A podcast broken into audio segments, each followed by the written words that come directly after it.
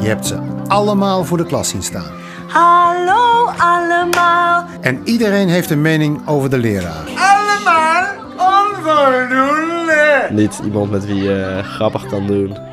Maar voor de rest wel een prima docent. Niet elke leraar is voor iedereen een goede leraar. Dan zegt ze gewoon letterlijk dat ik het niet goed doe en niet slim genoeg ben.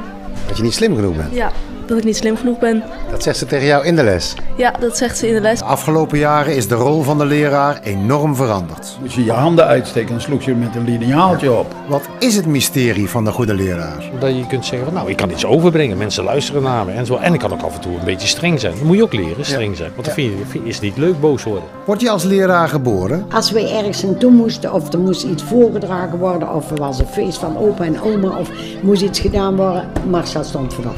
Wanneer weet je dat je leraar bent? De leermeester is naast onbaatzuchtig, grootmoedig als het kan en genadeloos als het moet.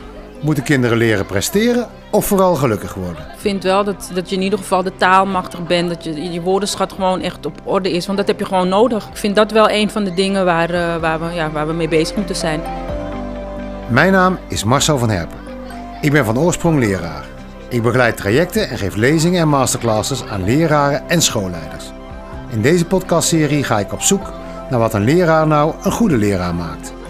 Abonneer je nu en luister binnenkort naar Het Mysterie van de Goede Leraar.